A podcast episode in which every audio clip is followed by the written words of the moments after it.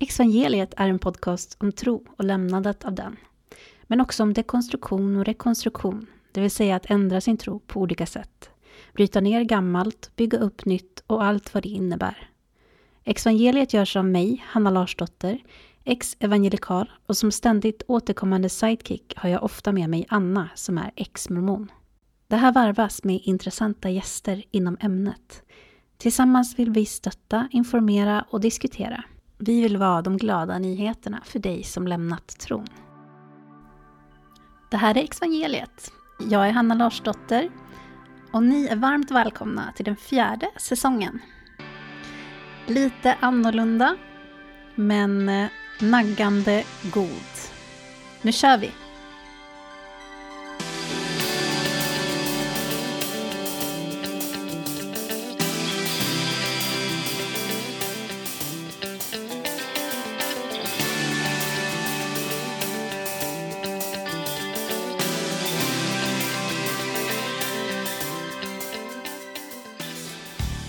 Pratar jag och Anna om fördomar, stereotyper och nidbilder.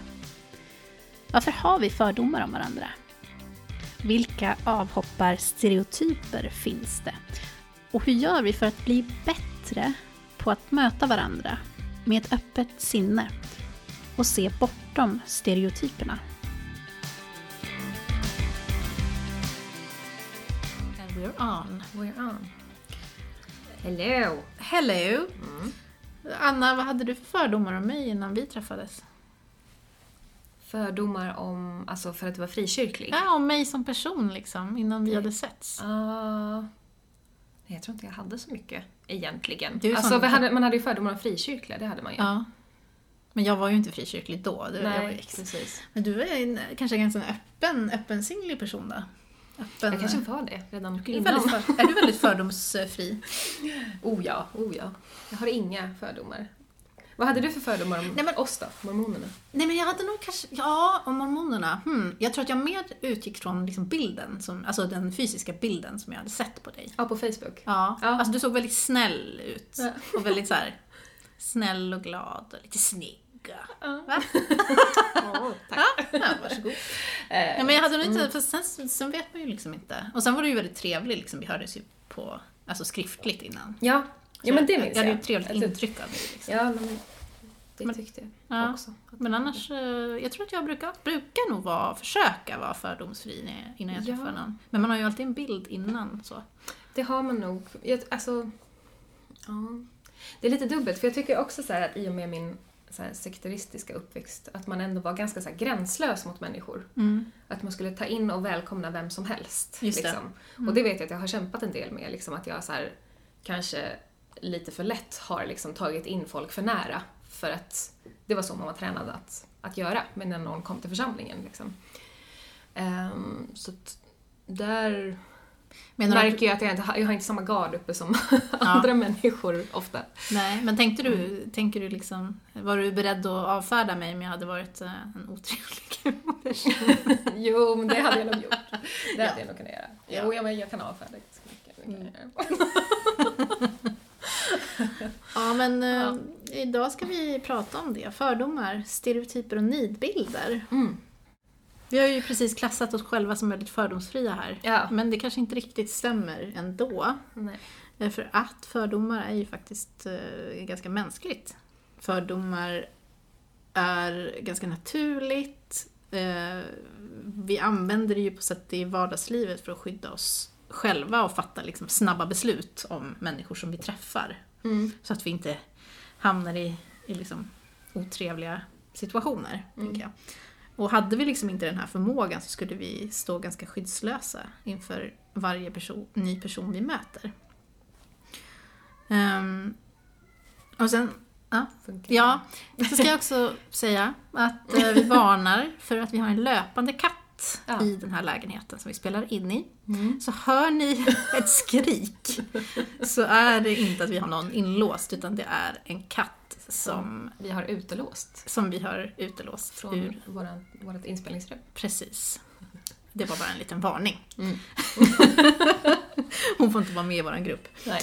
Ehm, Hon, är ju inte tillåten att vara här. precis. Mm. Anna, varför tänker du att vi ska prata om det här idag? Ja, eh, nej men jag tycker att det är ett ganska viktigt ämne generellt. Alltså det är, det är en viktig sak att jobba med för alla människor tror jag. Eftersom vi är, eh, liksom, vi är flockdjur, liksom flockvarelser tänker jag. Som är liksom hårdkodade för att liksom ha våran grupp och liksom tänka illa om de som är utanför. Det är sådana vi är liksom, som, som varelser. Eh, och nu när vi lever i en så pass liksom globaliserad värld och vi har så många människor runt omkring oss som är annorlunda gentemot oss så måste vi liksom vara medvetna om den här meka- mänskliga mekanismen och liksom aktivt jobba emot den för att det ska bli så fredligt som möjligt, tänker jag. Och sen så, liksom, eh, när man kommer från en, en religiös bakgrund så har man ju verkligen haft det här mera, liksom att man har haft en grupp runt omkring sig som man tänker vissa saker om och så tänker man så, andra saker om de som är utanför gruppen. Ehm, Ja, precis. Och kanske specifikt då alltså, de grupperna vi har varit i. Ja. Det gäller ju som sagt som vanligt inte alla religiösa grupper och Inte religiösa människor. Ehm, Men de som kanske vill definiera sig själva som, mer som en grupp. Ja. då. Och det är väl ett av de liksom mera sekteristiska dragen, tänker jag, som finns mer eller mindre i olika kristna och religiösa grupper. Liksom. Mm. Hur mycket man avskärmar sig från världen utanför, så att säga. Mm. Vi är ju båda ganska vana vid en slags retorik eh, om kyrkan och världen. Ja. Hade ni några värden, stereotyper eller tankar kring hur, hur världen var och betedde sig? Jo, absolut. absolut. Ehm, kanske mera liksom hur vi var. Eh, att vi var liksom de som var på rätt väg. Att Gud talade med oss och liksom att eh, vi gick på den rätta vägen och världen Ofta det här världen förstår inte, eller så här, m- man höll mycket på med missionärsarbete som mormon, liksom att man skulle försöka ta in folk och då var man ju liksom tvungen att liksom lägga upp saker hela tiden på rätt sätt, att förklara det här budskapet på rätt sätt så att de skulle förstå det på vårt sätt och bli en av oss. Ehm, Det har jag ju förstått i efterhand att det är ju liksom någonting som man med ett hår- hårt ord kan kalla hjärntvätt då istället. Liksom att man lägger fram och presenterar ett budskap liksom så, så pass vinklat så att det liksom blir svårt att värja sig emot. Mm. Eh, vid missionärsarbete bland Alltså mormonernas missionärsarbete har ju inte jättestor framgång här i Sverige generellt. Eh, vilket jag kan vara glad för så här i efterhand. Mm. Men eh, eh, ja. Vad tänker du vad, Ja, om det? nej men jag, jag, som vi har pratat om förut också, Mm. att, eh, liksom i, att man ska leva i världen och inte av världen. Ja, Det är väldigt klassisk, ett klassiskt uttalande Mm. och tanke. Um, nej, jag, jag levde ju mycket liksom, i världen. Mm. Eh, Eftersom jag liksom, gick på en vanlig skola och jag hade väldigt mycket vänner som inte trodde och så vidare. Mm. Ehm, och, och vi pratade lite här nu innan och jag fick en sån här eh, flashback till när jag var liten. Mm. Och ehm, eh, vi pratade om något som heter backfire-effekten. Alltså, backfire-effekten, det handlar om, alltså, om man har en väldigt fast uppfattning om någonting och någon presenterar väldigt starka motargument eh, så, så kan man nästan få liksom en, en ännu större övertygelse om det man tror på. Så att när jag gick i en liksom, vanlig skola, inte en kristen skola då, ehm, och levde, liksom, var väldigt övertygad om vad jag trodde på och vad kyrkan trodde på och liksom ställde mig i kontrast då på något sätt mot mina omgivande klasskompisar och så vidare.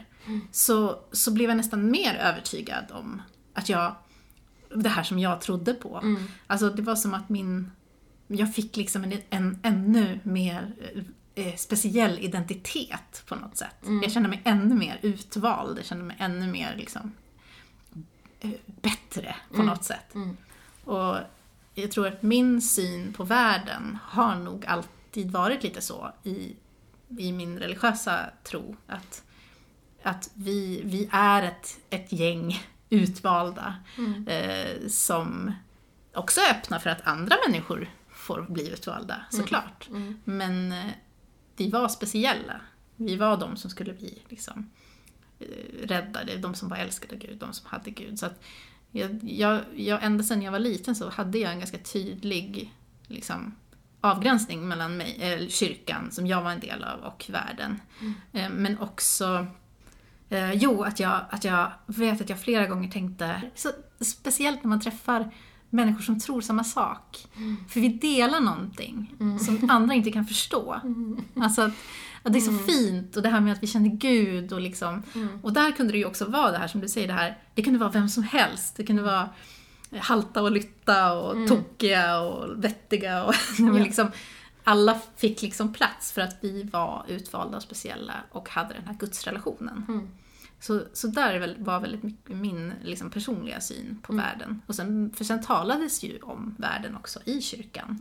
Liksom som en plats där det liksom inte var någon ordning och det liksom, den är fallen och liksom, alla var ju Precis. fallna men vi är räddade då. Alltså. Så, Ja. att, så att gå utanför kyrkan kändes ju väldigt främmande för mig. Ja, nej men verkligen. Alltså, just det där med den fallna världen. Jag tänker ju på liksom hur, hur man tolkade sin omvärld liksom som eh, genom det här filtret hela tiden. Varje gång man hörde någonting på nyheterna som var något negativt, vilket är liksom hundratals gånger per dag ifall man följer nyheterna. Det händer ju liksom, man rapporterar ju om det som är jobbigt och fel och dumt och som vi behöver förändra i princip. Eh, hur alla de saker blev liksom en bekräftelse på att världen är fallen och Gud är inte här. Liksom. Psykisk ohälsa ökar bland unga, som man läser en gång i månaden. Någon ny studie om det. Liksom, ah, nej men det är för att de inte har Kristus i sina liv. Eller liksom, ah, krig bryter ut där. Eller den här sjukdomen. Liksom, det var en väldig hysteri där kring när det var HIV och AIDS. Där var det ju väldigt mycket sånt, liksom, aha, men det är på grund av liksom, eh, världens fallenhet och orenheter och sånt där. Guds straffdomar kommer. Men liksom mycket sånt där. Och jag känner också väldigt mycket igen det där som du pratar om liksom med... Nej men om vi skulle prata om bekräftelsebias. För det var ju också en sån där grej liksom att man hade ju då sin, liksom, sin trygga zon som var liksom i församlingen och bland de som tänkte samma sak och vi som var förenade liksom, kring den här tron. Och som sagt, liksom, var man ute och reste någonstans så kom, liksom, då kontaktade man ju alltid församlingen i den staden och så fick man komma hem, liksom, vem det än var. Kunde man komma hem på middag eller få sova över hos någon som man liksom aldrig hade träffat bara för att man tillhörde samma kyrka. Liksom. Det var ju väldigt så, man hade ju liksom ett... Alltså, mormonkyrkan är ju global liksom. Eh, så man hade ju väldigt mycket kontakter så här, och väldigt så här, ah, hej, bara öppna dörrar, vem som helst, bara de har en tempelrekommendation som är liksom det, det är det som, alltså, Tempelrekommendation. så är det. Mormoner har ju, alltså om man är värdig att gå in i templet då får man en liten lapp som man har i sin plånbok. Då har man liksom gått igenom de här värdighetsintervjuerna och klarat dem. En slags tempelkörkort. Ja, precis. Och det är också liksom tecken på att man har god status i kyrkan liksom, och följer alla buden och är en reko person. Så de kan man lita på, bara de har en tempelrekommendation så är det lugnt. Liksom. Yes. Mm. Bra att veta. Ja, ja, men så man ska ta in alltså, det, det var verkligen så man resonerade. Ja. Liksom, det låter ju så här absurt när man tänker tillbaka på det. Mm. Men så var det. Mm. Vilket gör att man också är väldigt öppen för personer som utnyttjar det här. Mm. Vilket är ett stort problem. Liksom. Men det här med bekräftelsebias då, liksom att man då man hade den här trygga gruppen och sen så kommer man till skolan och så händer det ju saker i skolan som det ofta gör. Liksom. Jag hade väldigt mycket så problem i, i skolan så socialt och min, min klass fungerade inte så bra och liksom det var olika grupperingar och folk pratade illa om varandra och jag blev utsatt för en del saker och sånt där. Och liksom hur allt det vart liksom bekräftelser på att det här är ju den fallna delen av världen. Och jag måste tillbaka hem till kyrkan och församlingen för där är jag skyddad och trygg. Liksom. Till viss del så var det ju så, det var ju ett tryggt rum att vara i när man växte upp samtidigt som den var väldigt otrygg på andra sätt men det var ju liksom En annan typ av otrygghet. En annan typ av man förklarade det på ett annat sätt kanske. Ja, och liksom att... Jag, alltså när jag tänker tillbaka på min barndom i församlingen så, så jag kände mig ju trygg, men jag förstår ju också att jag var... Jag vill säga hjärntvättad till att tycka att vissa saker var tryggt, som absolut inte är det när jag tänker tillbaka på det. Eh, och det är det som är, det är det som är så märkligt att förhålla sig till, eh, tänker jag. Jag pratade om det här med bekräftelse och, och så. Och då finns det ju något som heter bekräftelsebias. Ja. Eh, eller konfirmeringsbias. Och, eh, det är ju liksom en tendens som vi har som människor. Att eh, liksom omedvetet vara selektivt uppmärksamma på information som bekräftar våra egna uppfattningar. Nej men för då kan det ju lätt bli så då att du är i, i din församling, eh, ni har, du har lärt dig att tänka på omvärlden på ett speciellt sätt. Du ser att oh, vissa mår dåligt, det är liksom uppstår konflikter, det är liksom sånt som bekräftar då synen på omvärlden Ja. som ni har i er församling. Ehm, och det här är ju något som vi alla har. Eh, alltså, i, I alla typer av grupperingar som vi, vi deltar i. Och även i, i oss själva. Liksom. Mm. Och det, jag tänker att det är något som vi behöver vara medvetna om. För att jag tänker att sådana här grejer kan ju vara väldigt positiva. Eh, Vi kanske vill skydda oss mot någonting som verkar hotfullt eller liksom så. Men jag tänker liksom att när det kan bli negativt är ju just när man använder liksom stereotyper och fördomar eh, som bekräftas av den egna gruppen om andra grupper så blir det liksom, jag tror, viktigt att vara medveten om de här tendenserna så att man vågar utmana sig själv och kanske ställa sig lite mer frågor, ja men eh, är den här andra gruppen verkligen så här som ja, vi har lärt oss, som vi har, tror att vi har fått bekräftat? Hur var det för dig när du liksom började lämna kyrkan då? Så, alltså, kände du liksom någon tydlig skillnad när du liksom började vara i världen och av världen? Vilken Eh. bra fråga. Jag, nej, men jag tror för mig var det som sagt det var en väldigt, väldigt eh, eh, glidande skala. Eh, däremot så kände jag det mer när jag började bete mig så som jag stereotypt lärt mig att man, ska, att man beter sig ute i världen. alltså, ja. eh, Det finns ju massa sådana saker. Där har vi pratat om i våra Det mest förbjudna avsnitt. Men kanske liksom, man får en annan man, man kan fatta andra beslut när det gäller att prova saker, kanske alkohol, kanske annat. Kanske leva i relationer på ett annat sätt.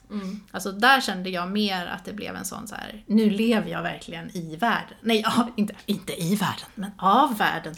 Nej men att, nej men alltså jag kände mer så här, ja men nu lever jag så här. Så som jag liksom trodde var så himla hemskt. ja. Men liksom, vi vill ju säga det här nu till alla som lyssnar. Eh, som kanske har en stereotyp bild av hur man är när man har lämnat. Att vi lever ju ganska vanliga liv. ja. Eh, egentligen. Ja. Alltså jag lever ju inte speciellt mycket annorlunda egentligen mot vad jag gjorde förut när jag var troende. Det är bara att jag lever liksom lite friare och mår inte lika dåligt över saker som jag kunde må dåligt av förut. Till exempel eh, om man hade tänkt en syndig tanke eller om man hade liksom gjort någonting eh, som man fick så här ångest över. Alltså, idag kan jag ju liksom få ångest och, och sånt mer över liksom saker som faktiskt eh, jag kan resonera att ja, men det, här, det här var ju inte bra. Liksom. Men, men jag hanterar det ju på ett annat sätt. Så att, eh, ja. Alltså jag tror mycket handlar liksom om, för just personer som har lämnat, att det liksom, man har på något sätt en stereotyp bild eh, som man har lärt sig eh, att man ska bli på något sätt när man lämnar. Ja. Alltså det, jag tror att det är också ett nästan lika stort problem, om inte större, än de bilder som den församlingen man har lämnat har. Mm. Jag menar, sen kan det ju liksom få sociala konsekvenser i med familj och så vidare. Alltså att, så, men jag tror att det är en jättestor del i att man liksom lär sig själv och möta de här stereotyperna. Eh, och se, ja men är det så farligt egentligen? Liksom? Hur superduper hatiska och eh, onda är vi egentligen? Mm. Nej, men alltså, Ja. det, det är ju inte så. Nej. Liksom. Vi är ju ganska trevliga personer, Ja. Tycker vi. tycker vi. Förlåt, Men jag- eh, Anna, det här med grupper sådär. Vi, Vänta, förlåt, jag har bara kontaktlins... Jag har nya linser! Jag nya har äntligen linser? hittat linser som funkar Hi- med mina har ögon. Hittlat. Hittat. Ja, och jag har ju artikulationsproblem. Hör jag ibland jag lyssnar på mig själv i den här podden också. Ja, eh, Nej, men- hur som. Ja, men på tal om grupper, du och Ja. jag kommer ju båda från eh, grupper. Eh, men eh, tillhör du... Jättesnett. Förlåt, jag kommer sitta och pilla lite. Du Ja. tillhör en grupp med felaktiga linser. Nej, men, eh, nej, men eh, Anna, så här, jag tänker att vi liksom alla eh, pratar mycket om det här med att man, att man vill, alltså vi gärna bildar grupper och sånt där. Men Mm. har du, ser du dig själv som en del av någon typ av grupp idag? Jo, men det gör jag nog. Alltså, ändå som liksom musiker i södra Stockholm, en del av så kultur... kulturgänget. Eliten? Eh. Nej, inte eliten kanske så mycket.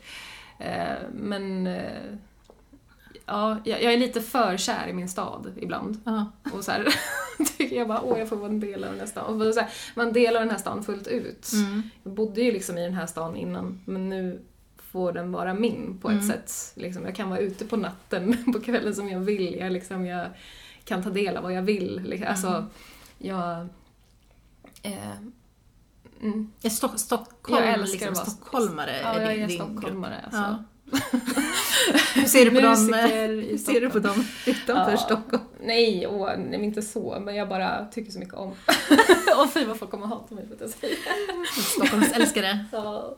Eh, Ja, men jag tänkte ju på det här också. Jag, är ju liksom, jag har ju någon grej med andra eh, norrlänningar, alltså som jag är från Norrland. Mm. Och det, jag är ju från eh, Västerbotten, men jag, liksom, jag blir så här så fort jag hör liksom, att någon är från Sundsvall, alltså det är liksom 40 mil från där jag kommer ifrån. så blir jag så här: yeah! Alltså jag, liksom, jag vill bara Ja. Alltså jag får direkt någon slags patriotisk anda liksom. Ja. Jag ser mig där, där har jag mitt. Men Så du också- kanske har lite problem med att jag säger att jag älskar Stockholm? Ehm, det är ju lite fjollträsk. Ja. Det är det ju. Ja. Men jag, jag bor ju i Fjollträsk så det är Ja, lugnt. ja. Men, men Du kan fortfarande vara min vän. jag kan fortfarande vara din vän. Ja, okej. Mm. Men också, också eh, andra vattumän. Alltså. Vi är ju vattumän båda alltså två. det, det är därför jag gillar dig. Ja. Detsamma.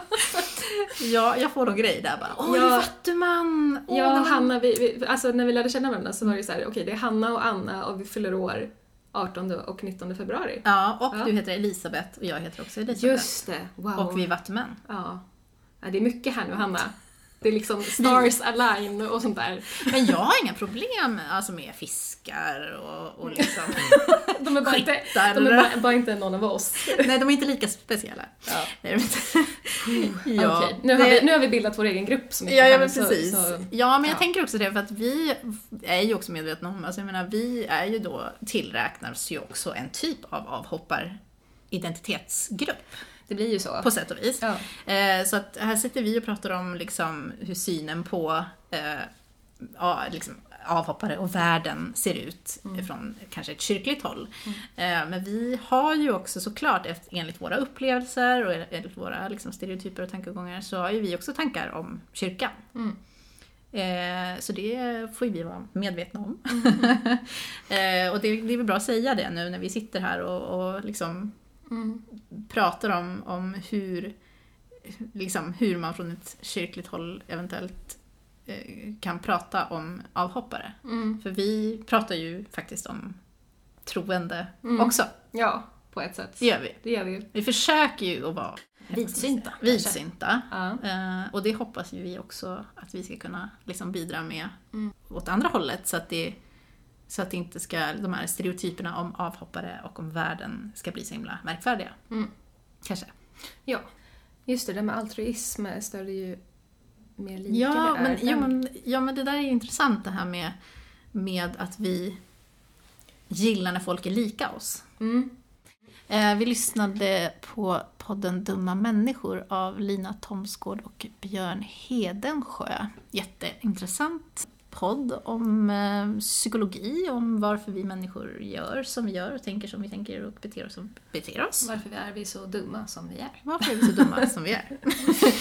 Eh, och där pratar de just det här om att, eh, att likhet, Mm. det liksom får oss att anta ett mer ett genetiskt släktskap. Alltså rent biologiskt så har vi liksom en tendens att gilla människor som är lika oss. Mm. För att vi tänker på något sätt, undermedvetet sätt att Mm. de människorna är förmodligen släkt med oss och därför kommer de liksom att gagna oss på något sätt. Så att Mm. hjälper jag dig så hjälper du mig. Mm.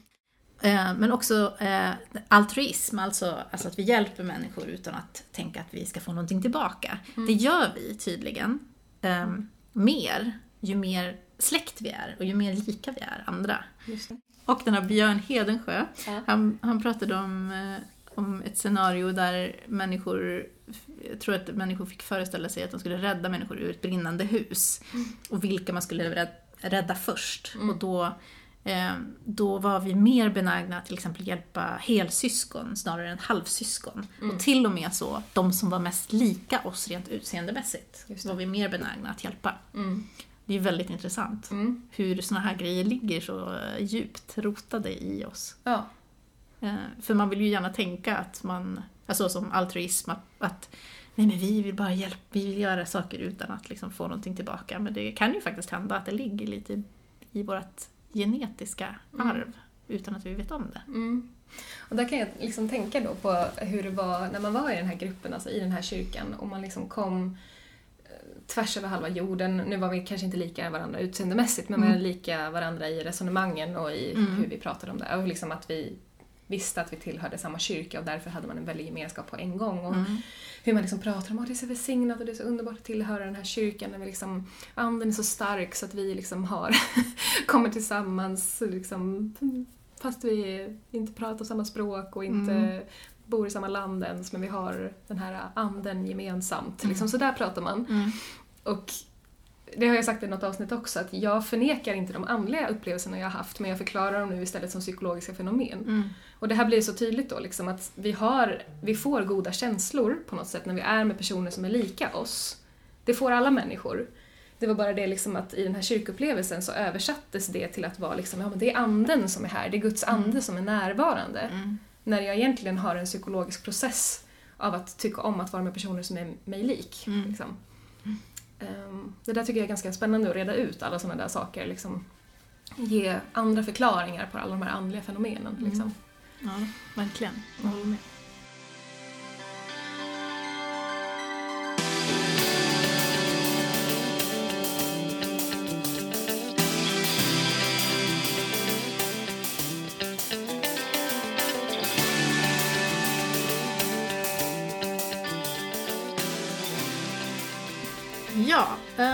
Så vad finns det då för eh, stereotyper, tankar kring avhoppare? Mhm. Ska vi prata lite om. Mm. Och om världen. Ja. Alltså världen, som sagt vi har ju pratat om det förut. Ni nya lyssnare som inte har en eh, kyrklig bakgrund så är det just den här, man gör ofta skillnad på kyrka och världen. Ja. Det ses som två olika världar. Ehm, eh, I alla fall i våra traditioner som vi har varit med om. Mm. Då har vi lite punkter på olika tankar och stereotyper som liksom finns kring avhoppare. En vanlig sak som jag har stött på, eh, det är eh, att de här avhopparna var aldrig kristna på riktigt. Mm. Kände de verkligen Jesus? Mm. Hur eh, relaterar du till Ja, den? mycket. jag vet inte om någon har sagt det rakt till mig, men jag har ju också tagit ganska mycket avstånd från min gamla församling. Så, så Mm. att jag har ju aldrig riktigt blivit bemött med det så. Men jag känner ju absolut igen det resonemangen. Liksom, Mm. om hur man pratade om andra som hoppade av. Liksom att, ja, nej men de, de har nog inte... De fick nog aldrig ett vittnesbörd, så det är ju termen inom... Så det är, det är liksom eran där, eh, kände de verkligen Jesus? Då, Ja. då det är någonting annat. Man, man pratar om att man får ett vittnesbörd. Vad innebär man, det då? Ja, men det kan man, jag tror att man kan jämföra lite grann med det där så här frälsningsupplevelse, Mhm. eller att möta Jesus. Alltså att man får en stark inre ehm, känsla liksom, och upplevelse eh, av att man möter Ja, alltså man, man, man säger att det är den helige ande, alltså för mormonerna så är det den helige ande som bekräftar Guds närvaro. Mm. Eller att det är sant, som de säger. Till exempel ska man läsa Mormons bok och så ska man be om ett svar från Gud och då ska den heliga anden komma och bekräfta det för dig. Mm. Och då när man har då känt den där heliga anden-känslan kring Mormons bok, då har man ett vittnesbörd om Mormons bok. Så pratar de mycket. Just det. Att man ska få ett vittnesbörd om kyrkan. Man måste skaffa sig ett eget vittnesbörd om alla saker. Liksom om Mormons bok, om kyrkan, om profeten, om liksom alla sådana här saker. Så det här är ingenting som händer bara i frälsningsögonblicket utan det här är något som du liksom upprätthåller? Nej, alltså de pratar väldigt mycket om också att så här, har man upplevt det en gång, men då har du fått ett vittnesbörd och då ska man komma ihåg det. Och så är det, liksom, är det upp till en själv då att vara trogen det här vittnesbördet man har fått. Mm. Och därför blir det också väldigt hårt mot någon som sen hoppar av ifall man har stått framför församlingen och, och burit sitt vittnesbörd som de säger. Alltså berättat om de här vittnesbördsupplevelserna som man har haft så att alla i församlingen känner till dina innersta, djupaste liksom, eh, sådana här upplevelser och sen så faller man av. Mm. Då blir det så ah, men du, vet- du vet ju, du vet ju egentligen. Mm. Liksom sådär. Ja.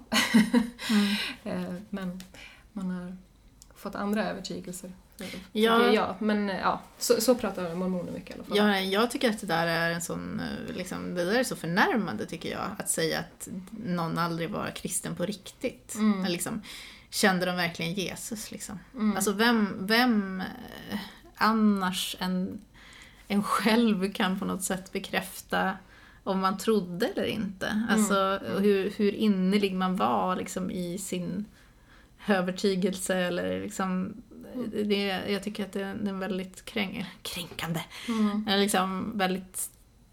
eh, Jag blir ofta väldigt ledsen när jag hör den. Mm. Eller hör, men ofta sådana där grejer tar jag ofta, liksom det är så här, när man har skrivit någon artikel eller någonting så är det mycket så. Mm. Den här kan ju inte vara kristen på riktigt eller var kommer den här ifrån liksom för Ja. konstig församling och liksom och sådär och då blir jag väldigt, ja jag kan bli lite ledsen för att just sådär Mm. vem, vem fan är du och liksom kommer här och säger det? Mm. Alltså du vet Mm. ju ingenting om hur jag, vad jag har haft för typ av tro. Mm. Ehm, en annan. Mm. De har haft för lite andliga upplevelser. Mm. Eller fel andliga upplevelser. Mm. Då tänker jag direkt på typ så new age. Eller att man har liksom så här snokat lite i lite andra så här andliga hörn. Mm. Och så här, där har man kunnat ha haft lite upplevelser så att man har typ fått en ond, liksom så här, påverkats av någon annan ande eller någonting. Mm. Jag var ju och snokade i det, så det kan man ju folk verkligen hålla emot mig. Det- sorry, det- sorry alla.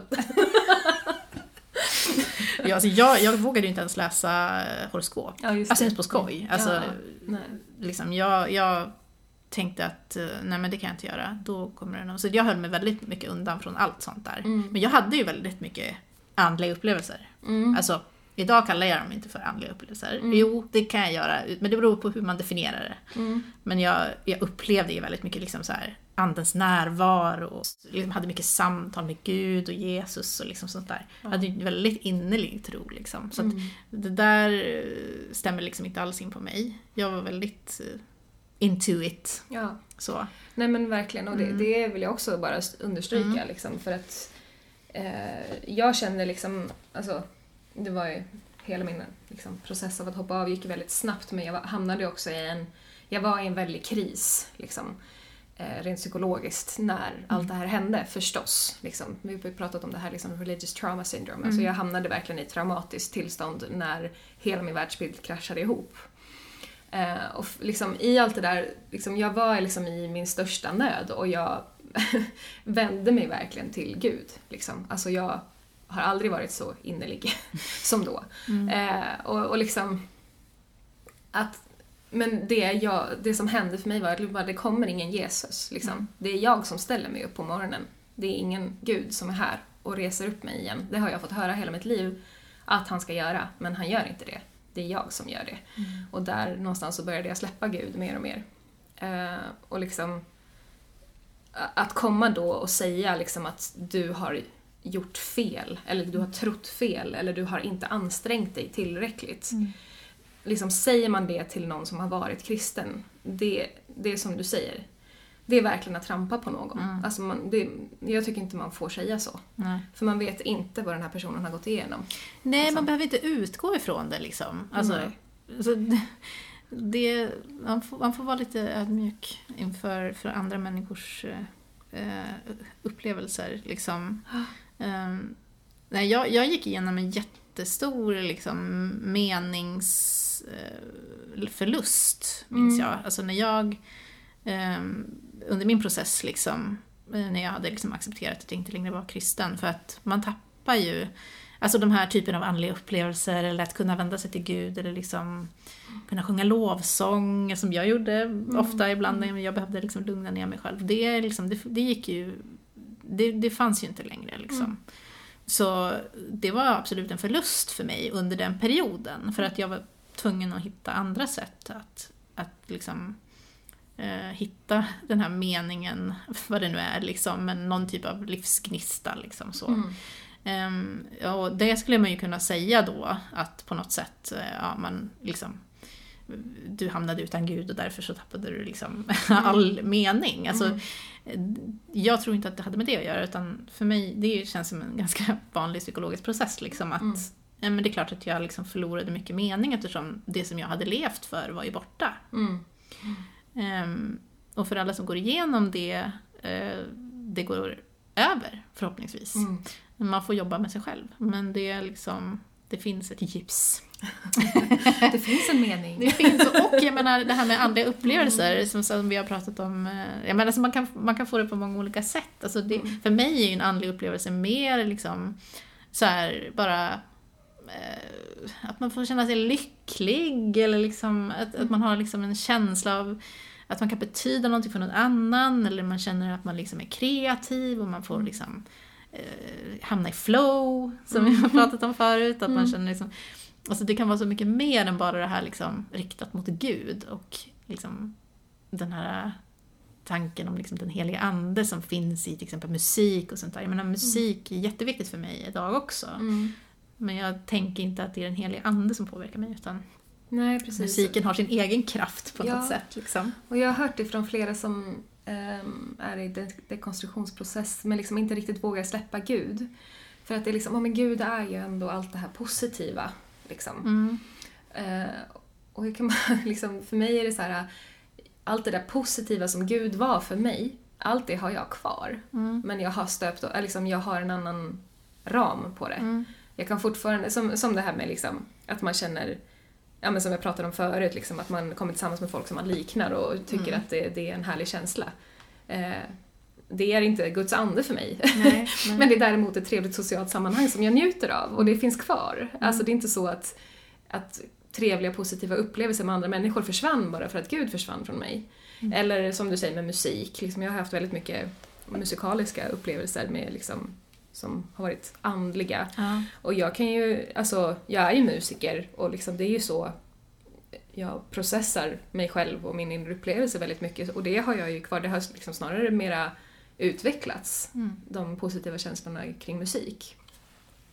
Eh, Så det, det vill jag väl också bara säga att bara för att man tar bort Gud så försvinner inte allt gott i ditt liv. Liksom. Mm.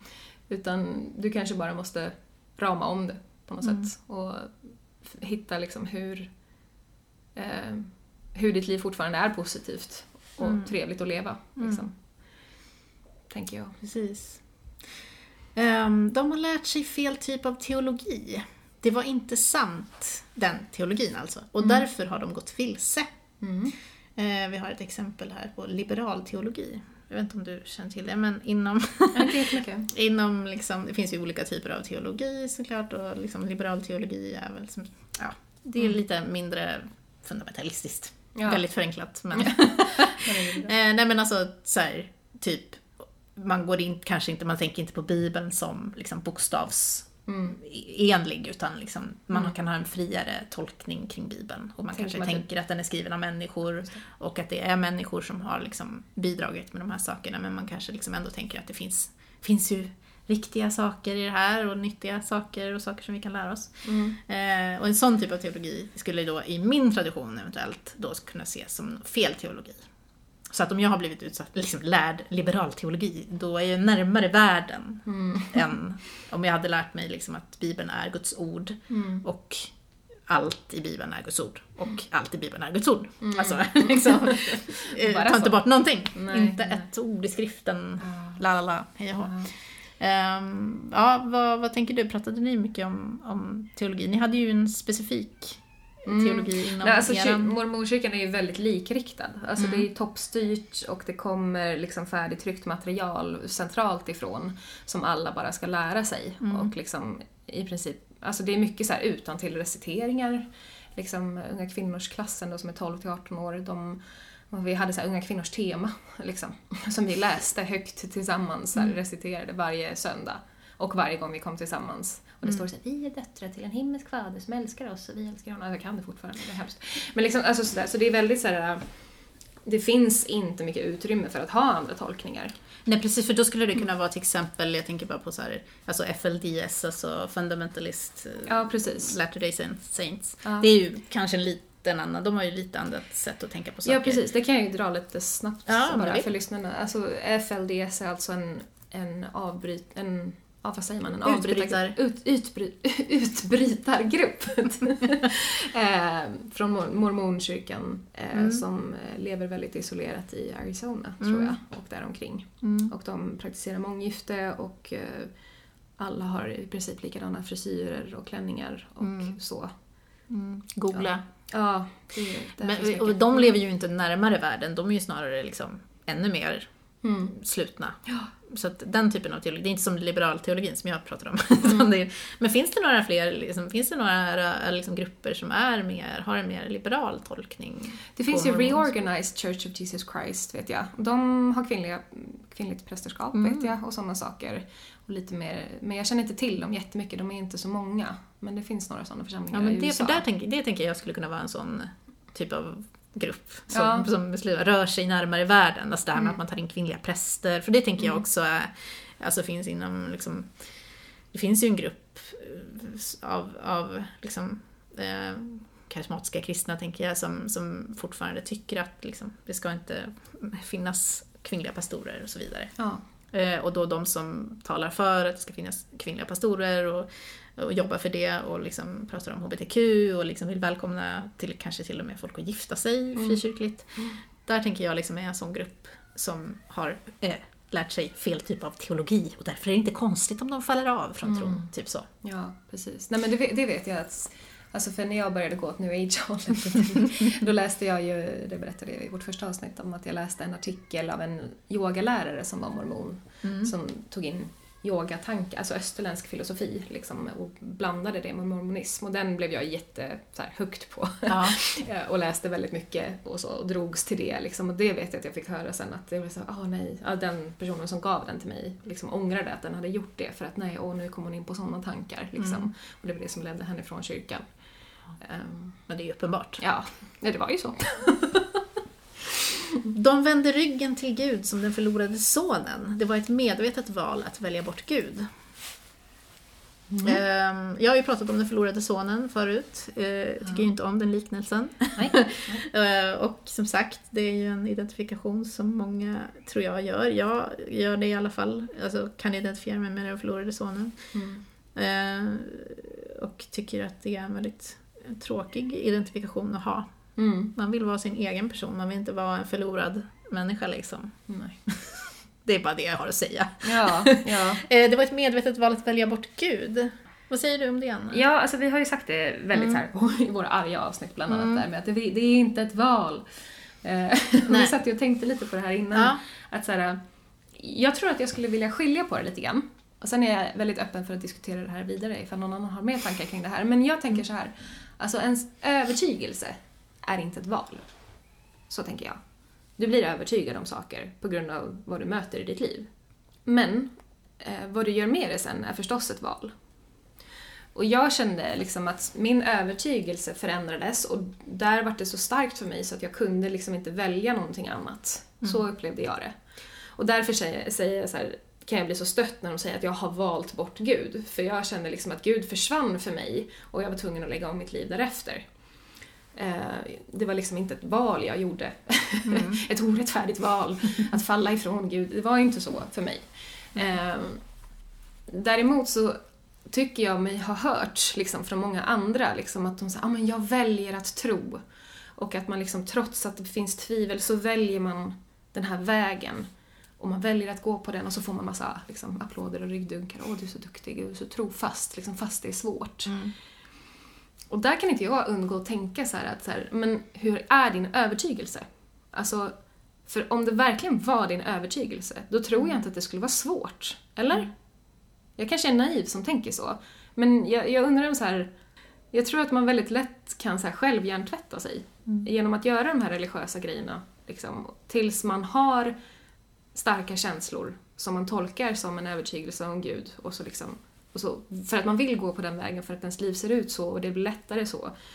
Eh, att liksom bara vara kvar i det man känner till på något sätt. Tack. Ja, men jag tänker liksom att övertygelsen, som du säger, jag tänker att det är, liksom, det är inte så enkelt att bara säga så här, här har du en övertygelse, nu tror jag på det här, nu tror jag inte på det här och så formar man livet. Alltså det är ju inte så enkelt, utan det påverkas ju av familjeförhållanden, du kanske inte vill liksom lämna den församling, du kanske är troende men du har din familj där, du liksom om du liksom berättar om din övertygelse att Åh, nu har jag tappat min tro, så kommer det att få konsekvenser för familj och så vidare. Och det kanske inte du vill förlora. Nej. Så där har du ju liksom ett val. Mm. Eh, Så, så vissa väljer att stanna, även om, och kanske inte pratar om sin övertygelse. Och vissa väljer då, som till exempel du och jag, Mm. att, eh, att tvingas lämna Mm. det här. Ehm, och där, där, absolut, det finns ett val. Jag har Mm. också valt att, och du också har valt att liksom sitta och prata om det. Mm. Eh, det är också ett val. Ehm, så att absolut finns Mm. det val här i livet. Men just jag tror också det, själva övertygelsen och att välja bort Gud, det upplever inte jag att jag har gjort. Mm. Nej. Utan det är någonting som skedde. Ja. Det försvann liksom. Ja. Eh, av olika anledningar. Mm. De tog den enkla vägen ut. Riktig tro kräver hårt arbete, engagemang, Mm. uppoffring och lidande. De klarade inte det. De hade en svag tro.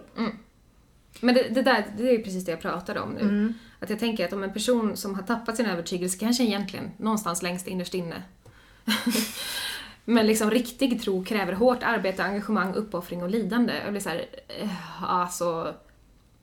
Ett avhopp kräver hårt arbete, engagemang, uppoffring och lidande indeed.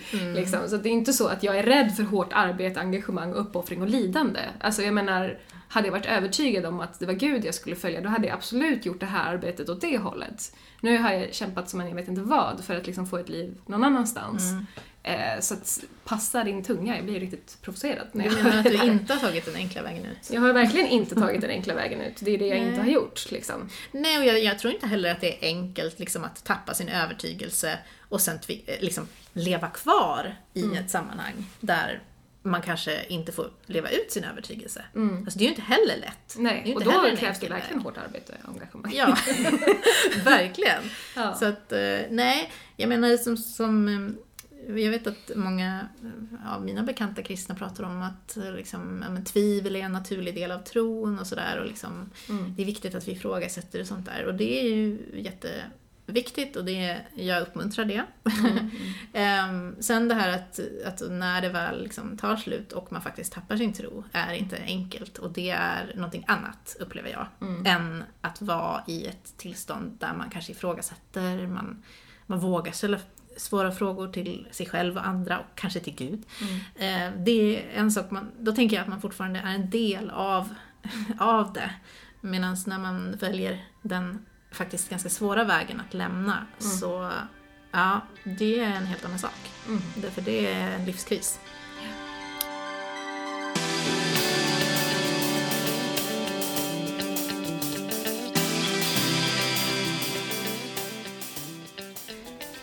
De följde inte Gud utan levde ljummet liv innan de lämnade.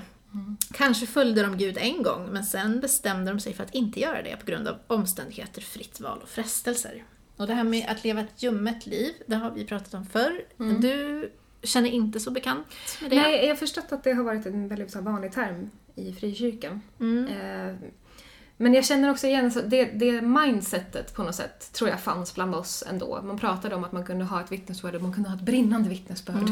Ett levande vittnesbörd. Mm. Liksom, att, det, att det skulle vara så väldigt innerligt och starkt. Liksom. Och att man skulle underhålla det genom att göra all, alla de här religiösa grejerna så skulle man få ett starkare och starkare och starkare vittnesbörd. Mm. Ehm, så att det mindsetet fanns ju, även om vi inte pratade riktigt om ljummet och så. Som Precis. ni verkar ha gjort kanske. Ja, alltså det var en ganska vanlig term. Men som Ja. du säger, brinnande är väl liksom eh, motsatsen till ljummet. Ja. Eh, Man skulle hellre vara liksom, liksom alltså, hellre, antingen eller. Men ljummen är liksom lite mittemellan. Så det, jag tänker att det är lite så här folk som, som gick till kyrkan, Mm. så här, som slentrian lite grann. just Och så här, jag är en del i gänget, men eh, jag, liksom, jag är inte så engagerad. Typ så. Det var liksom det värsta du kunde vara, Mm. i princip. Mm. Eh, För då är du liksom varken det ena eller andra. Ja, Du bara liksom blah, effektivt. blah. effektivt sätt att få folk väldigt, väldigt engagerade, tänker jag. Ja, ja, ja, ja, återigen där. Jag, jag anser inte mig själv leva ett ljummet liv, men eh, jag, jag vet att jag alltid hade det i bakhuvudet. Alltså det här liksom, Mm. att man inte skulle göra det. Att, att det var viktigt att liksom, helst man skulle gå upp så här in, två timmar innan man gick till skolan eller jobbet och be. Nej, men alltså, timmar. vi hade morgonklasser. Ja. Klockan sex på morgonen Mm. hade vi seminariet. som Det är någonting med morgonen där. Att man ska Ja. liksom gå upp tidigt och bara Alltså, wow. det har de också ett avsnitt om, Dumma människor. Jaså? När de pratar om morgonmänniska-normen. Åh fy fan. Den, den, kan, den kan vi också bli arga på. Jag är inte en morgonmänniska. Jag är inte morgon. Det är kanske är därför nej. jag har sånt avog det här med att gå upp. För jag, Ja. jag tyckte det var så jobbigt för jag kunde ställa så klockan och så Ja. jag ska gå upp och sitta på mitt golvet i mitt rum och bara be till Gud.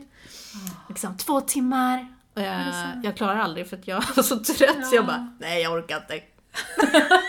så ljummet. Så ljummet. Så dekadent, Så Hanna. dekadent. Ja. Morgontrött kallas det. Morgontrött. Mm, det Ja. kan också bara Jag var på väldigt sena bönemöten och sånt där tror jag istället, så det var väl, det, Ja, det vägde väl upp kanske. ja, ja. Ehm, ja. Eh, De hade andliga upplevelser men grundade det aldrig i en personlig tro och var inte del av den kristna gemenskapen, för du kan inte växa utanför kyrkan. Ja, det där känner jag igen väldigt mycket. Alltså det här med att det är så, det betonas, betonades och betonas vet jag fortfarande i, i predikningar. Jag hör att det är så viktigt att grunda sig själv i församlingen. Mhm. Alltså du kan, du, det är liksom jätteviktigt, det är nästan lika viktigt som din egen personliga tro. Att du är en del av en församling. Det är liksom, ja, du får näring där, du ska se träd och så får du näring. Dina rötter liksom, ska rota dig i församlingen och där får du näring och vatten och så. Liksom. Annars kommer du liksom att tyna bort ja, som en ensam gren. som de sa. En avhuggen. Ja, som Just det, du hade någon. ja, jo men vi hade också den där eh, om man har en kolbädd i en öppen spis, liksom en glödande kol och sen tar man ut ett av de där kolen och lägger på liksom stenplattan framför så slocknar den till slut. Så Men- tydligt. Ja, så därför kan vi inte liksom gå utanför församlingen och ligga själva i kylan. Nej. Alla dessa bilder Ja, som vi har fått med oss. ja och, och det är så roligt när man tänker tillbaka på det att det är så här man, man ser så här, logiken i att så här, ett glödande kol slocknar när det får ligga själv. Och därför är det också logiskt att Ja. ett vittnesbörd slocknar när du är själv. Ja men man blir såhär, Och man bara så här, men alltså det, det är det är väsensskilt. Glödande kol och en psykologisk process när du känner goda känslor för kyrkan. Det är liksom, det, det, det går inte att jämföra så. eh, de blev så, det här är en klassiker. Aha. De blev sårade av människor i kyrkan och Mm. projicerade den besvikelsen på Gud. Därför konstruer- dekonstruerade de inte bara kyrkan men också Gud. Man är alltså bitter, typ. Ja.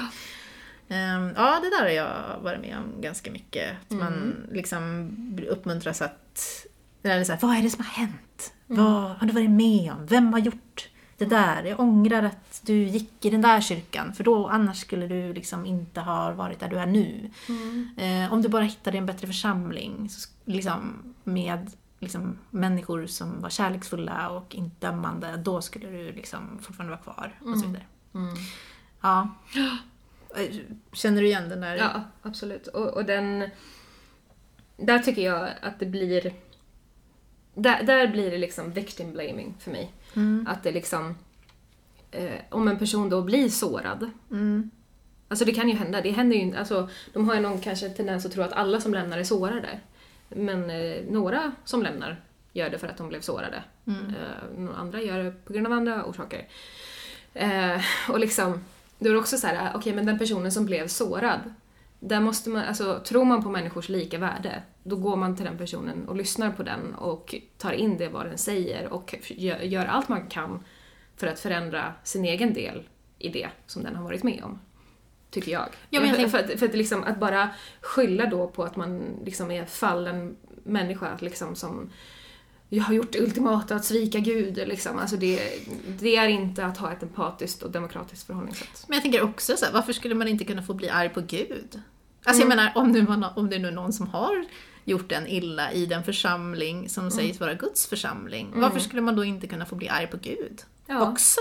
Ja. Alltså jag menar, ja, men det är väl fullt rimligt liksom. Så här, om ni är Guds folk, då ska väl ni vara reko ja men han borde ju liksom skydda en i så fall tycker jag. Ja. Alltså det, ja, det, det är ju det det pratas om hela tiden, att man ska vara liksom, i beskyddet. ja, i beskyddet. Mm. Jag tycker inte alls att det är konstigt om man blir arg på både människor och Gud. Nej. Om man nu tror på Gud. Liksom, säger jag. Ja, det är ju fullt rimligt. Ja, men, men det där med liksom, det där stämmer inte skulle jag säga i min, i min värld. Liksom, jag har haft, absolut haft liksom, situationer där jag har känt liksom att det här, den här typen av kyrka säger sig vara liksom Guds församling och, och så ser jag bara alla de här strukturerna som finns i den här kyrkan med de här upphöjda ledarna och det är liksom beteenden som jag inte tyckte om, eh, som jag kände mer och mer avsmak för, absolut. Mm. Sen finns det församlingar och kyrkor som jag tycker är mycket mysigare.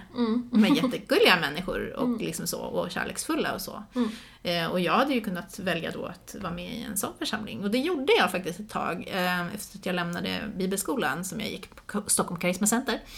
Eh, så tänkte jag så här, nej men jag ska hitta någon så här riktig, bara redig gammal pingstkyrka med gamla människor. som är så gulliga och snälla. Eh, men jag hittade liksom inte riktigt motivation till det faktiskt. Eh, och det kanske var för att eh, ja, jag hade börjat dekonstruera ganska mycket då. Ehm, och så. Så att ehm, det finns ju absolut tre, eh, liksom, olika typer av människor i olika kyrkor som man tycker mer eller mindre bra om. om man säger så. Och med beteenden liksom, och sätt och, och liksom så. Mm. Men jag tror inte att man kan utgå från att... Jag tror inte faktiskt att det är så många som lämnar för att de blir sårade. Alltså, jag tänker att det är en större del av, alltså det kan vara en del Mm. eh, av det. Däremot kan jag bli sårad av människor i kyrkan nu. Mm. Alltså, inte av, ja, men liksom, av synen på mig nu. Ja. Det, det blir jag sårad över ibland. ja. För jag tycker att jag inte är Vilket så himla också- hemsk. Vilket också är fullt rimligt. Alltså jag menar, det är ganska sårande kommentarer som kommer därifrån. Liksom. Ja, Alltså det är så här, det, det är ju det Det det här, vara. liksom, om man blir sårad så är det fel på en. Bara, eh, Mm. Eller är det kanske fel på den som sårar? man Ja. får bli sårad. Mm. Ja. Ehm, de är lockade av världen, Satan. Världen och Satan. De vill Ja. bara synda. Exempelvis vara promiskuös, svära och dricka. Ja. Det vill man. de vill bara synda. De vill bara synda. Vad betyder det ens? Alltså, ja. ja, jag Nej. vet inte. Nej. De är lockade av världen. Men det där är ju någon bild av, det där, har- där har vi ju liksom stereotypen, världens stereotypen liksom. Det är i, i, I världen är Satan, går du liksom utanför kyrkans väggar och beskydd så blir du utsatt för alla de här grejerna och du kommer att bli frestad till att eh, ligga runt, svära och dricka och ta droger typ. Mm. Alltså jag tänker att det är en sån... Jag, tänk, jag tänker på Disney-filmen Pinocchio. De är på den där, äh, vad kallar de den? De åker till den här ön. Har du sett den här? Ja, Ja, och så, börjar, så spelar de och så röker de och så blir de åsnor allihopa. Jättehemskt! är det sant? Det låter jätteroligt. Nej, men alltså, det, är- det är verkligen så här moralkaka. Är det sant? Ja, Jag för liksom the kolla. straight and narrow path. Ja. Intressant, jag måste kolla på den igen. Alla, alla kollar på Pinocchio. Mm, nej, gör inte det. Nej, nej, usch. Jag, jag är traumatiserad av den filmen. Man ser på deras liv att de inte tror längre. Alltså... Det är klart man vi- gör. Vi, vi hade, vi hade en, en eh, i vårt forum här som skrev att det var någon som hade kollat på Facebook på hur någon levde och såg, såg ju på Facebook hur de lever. Man ser du att de inte tror längre. Ja. Jag tyckte det var kul, man eh, sa det att man ser det på Facebook-frukten. Jag vet inte, om ni använder frukt, Jo, av deras frukt ska Ja, du känna dem. Det är inte exakt. det Jesus som säger? Det det vet jag faktiskt inte. Ja. Men det står i Bibeln. Mm. Ja, Facebook-frukten. Där ser man det. Eh, ruttna fr- frukter. Ja. Eh, ja, ja, kan man se på någon att man inte tror längre? Kan man verkligen det? Ja, ljuset lämnar deras ögon, säger Ja. mormoner. Vilket är så roligt, för att alltså, man ser på en mormon så tydligt om de är mormon eller inte. Mm. För att ja, det är någonting med ögonen. Jag vet att många andra har pratat om det också, de här Mm. sektögonen. Alltså att de, ja, jag vet inte om det här är kanske lite provokativt, men liksom, alltså, det, det är någonting med blicken på personer som Mm. är under, ja, som, som är i det där. Något heligt i blicken? Ja, om det är heligt eller om det är hjärntvätt eller vad det nu än är. Liksom, man ser det på dem. Och det är så här, ja, det försvinner när man går ur. Jag ser inte det längre det som ett tecken på att jag är liksom en fallen människa. Kanske lite mera person som tillåter mig själv att vara alla mina sidor. Även de mörka och dåliga.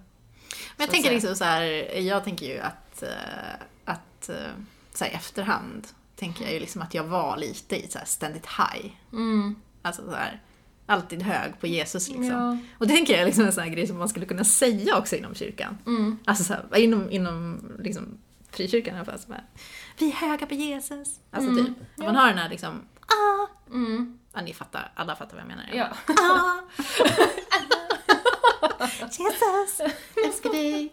Det där, det där är frikyrkostereotypen för mig. Ja. Mormonerna liksom Mm. som bara, åh nej frikyrkliga, som bara Jesus älskar dig! Så här, alla bara, åh nej.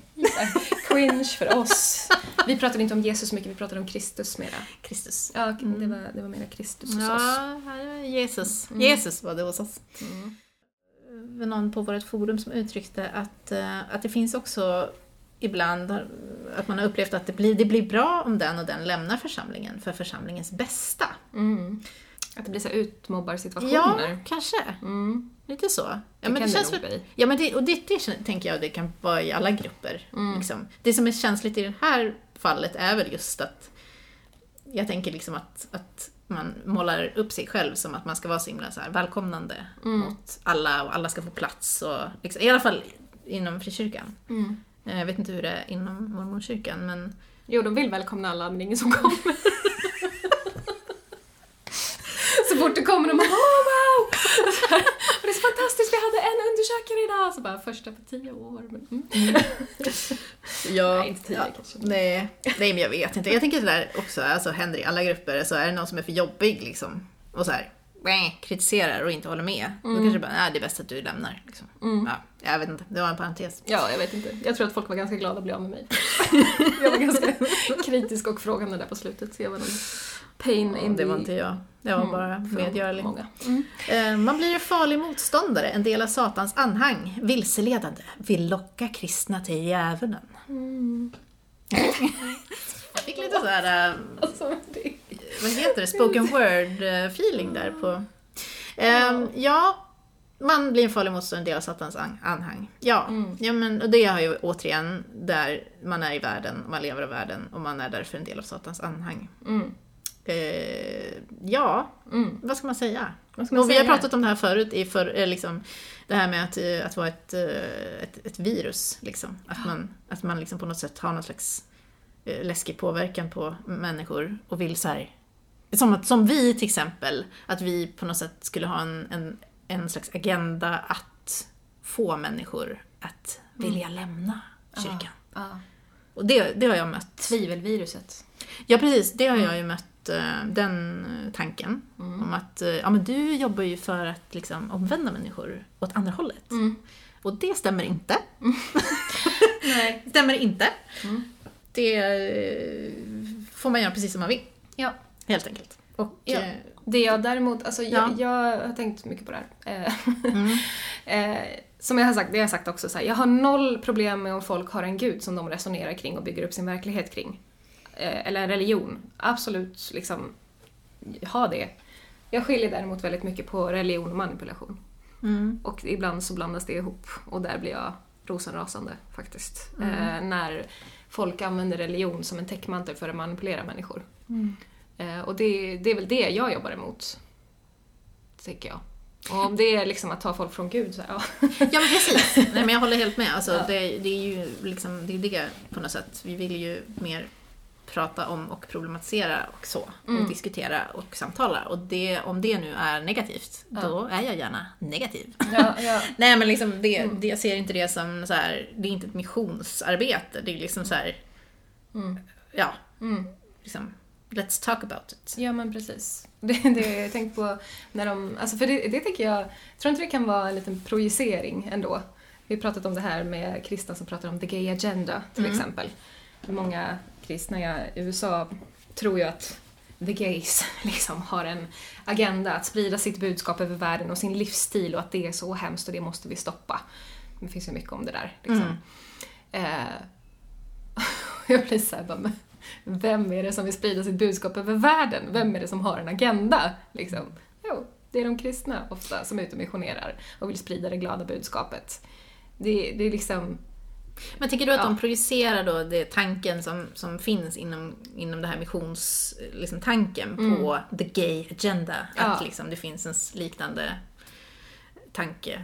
Ja men precis, ja. att de liksom de har själva det här mindsetet Mm. att vi ska ut och missionera och därför tror de att folk med andra ideologier har samma mindset. Mm. Liksom. Tror att för att en eh, hbtq-person lever ut sitt, sin sexualitet så liksom är de ute och missionerar sin livsstil. Ja. Men det är ju liksom kanske inte riktigt så det förhåller sig. Nej, den här livsstilen. Mm. The gay lifestyle. Ja men Vad, är- vad består den i egentligen? Ja. Precis. Nej men det kan jag tänka mig, alltså, tror inte det blir lite samma sak här? Liksom Mm. att, så här, att Ja. de projicerar det på oss också, att vi är ute efter att missionera Satans budskap. Liksom. Ja, våran livsstil liksom. Ja. Utan Gud. Våran gudlösa livsstil. Ja, precis. The godless agenda. Ja, Där har vi det, där har jag den. tydligen. Ja, nej, men absolut. Alltså det, ja, men exakt. Alltså Mm. det, det blir en projicering på något sätt. Att vi liksom på något sätt försöker vinna över människor. Det skulle jag inte önska. Alltså, Nej, men jag, liksom- eh, jag tycker det där är svårt för jag tycker att det är så mycket inom mormonkyrkan som inte är egentligen eh, kanske en del av liksom en, eh, reli- alltså en religiös, eh, vad ska jag säga, eh, liksom en andlig övertygelse och religiöst liv. Alltså det är så mycket som är liksom rent och skärt utnyttjande av människor. Mm. Och därför blir jag liksom lite så här svårt, alltså, ja. Ja, men Det vi finns mycket att bena ut liksom, Ja. om man pratar om mormonkyrkan. liksom. Ja, ja men, och det gör det ju i frikyrkan också. Men jag menar, Mm. det vi vill är väl kanske i första hand att det, säga att det är okej att ifrå- ifrågasätta och att det är okej att tänka själv. Och om det är fel, då vet jag inte vad. Ja, nej men Liksom, precis. Det, det är det enda som jag önskar i alla fall. Mm. Ehm, de är för analytiska, man måste inte veta allt. Acceptera mysteriet Gud. Acceptera mysteriet. Ehm, Mm. Ja, nej men jag säger mig verkligen inte veta allt eh, personligen. Ja. Jag, liksom det här också, de påstår sig veta att Gud inte finns. Ateism är detsamma som vetskapen om att Gud inte finns. Och det, eh, så, det är inte min eh, utgångspunkt, utan jag Nej. utgår från att eh, jag inte vet. Jag, jag vet inte om Gud finns, men jag tror inte att Gud Men det där finns. känns också som en projicering. Liksom. Mm. Ateism är detsamma som vetskapen om att Gud inte finns. Men ja, alltså jag tänker väl snarare att ateism handlar om liksom att man tar en utgångspunkt i vetenskap och liksom inte en utgångspunkt i att det finns en gud. Mm. Alltså, det är ju kristna som påstår sig veta att Gud finns. Liksom. Det, ja, det Ja. känns som en projicering. Ja, ja men precis. Nej, Mm. jag, tycker, jag brukar vara väldigt tydlig med att eh, skilja på de grejerna. Liksom Mm. att, att eh, jag, påstår, jag påstår mig inte veta. Mm. Utan, men jag tror inte. Och det är ganska stor skillnad. Mm. Eh, de är omoraliska, eller saknar en moralisk kompass. Mm. Ja.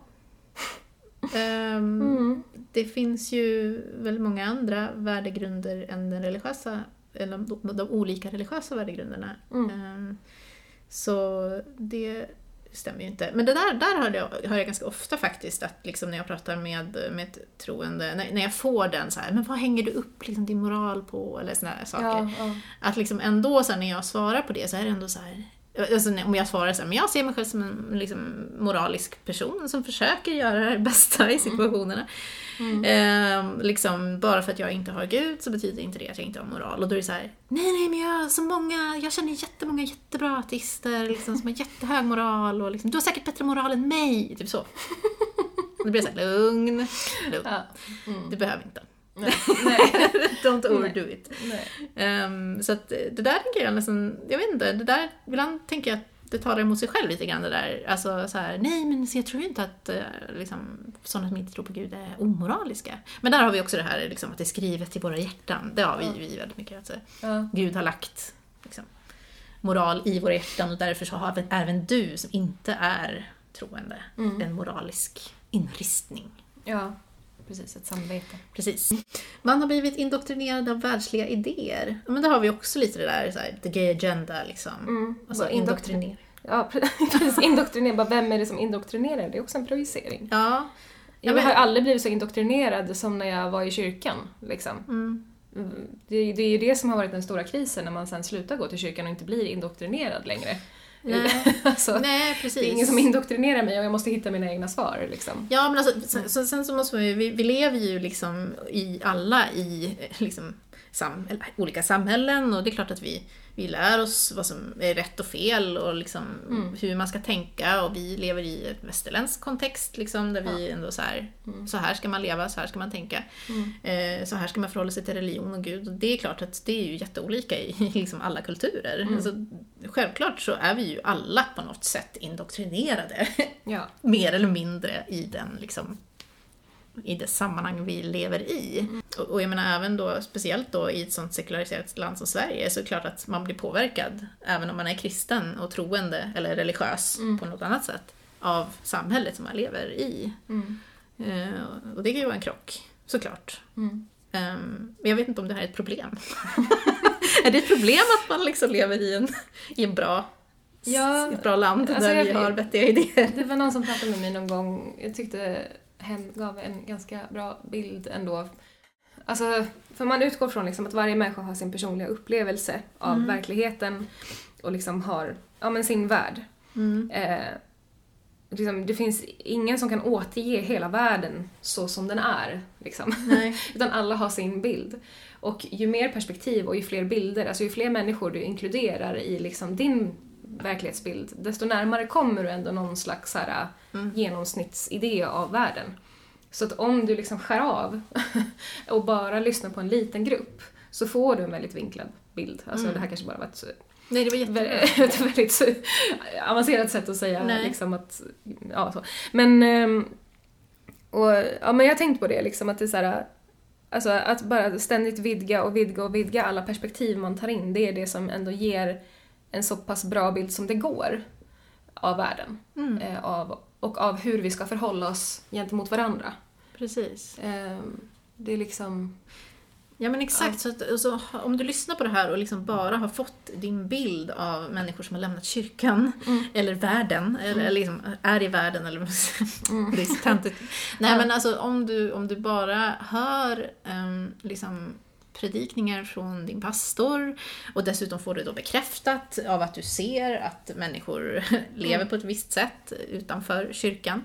Eh, kom ihåg de här grejerna då att liksom, vi har bekräftelsebias, Ja. vi, vi, liksom, vi vill tro på det vi tror på redan. Eh, och det är ytterst mänskligt. Men våga Mm. eh, se andra perspektiv. Alltså våga prata med någon som tänker annorlunda än dig. Mm. Eller kanske från en annan religion, det behöver inte vara någon som har lämnat religionen. Men liksom, Mm. som du säger, jag tror att eh, vi har, vi har olika sätt att se på saker, vi har olika liksom, upplevelser. Och jag tror att det är jätteviktigt att våga inse att ta inte din information bara från en källa. Liksom. Nej. För liksom är du rädd att ta in vissa perspektiv, då har man alltså... Då har man ju... Mm. Vad har man då? Vad ska man säga? Vinklad bild av verkligheten. Ja, verkligen vinklad bild av verkligheten. Ja. Mm. Ja. Eh, vilket vi alla har, mer eller mindre. Men Ja. vi kan ju jobba, jobba från det. Mm. Och som de ofta säger så här, tål det inte att ifrågasättas så bör det ifrågasättas.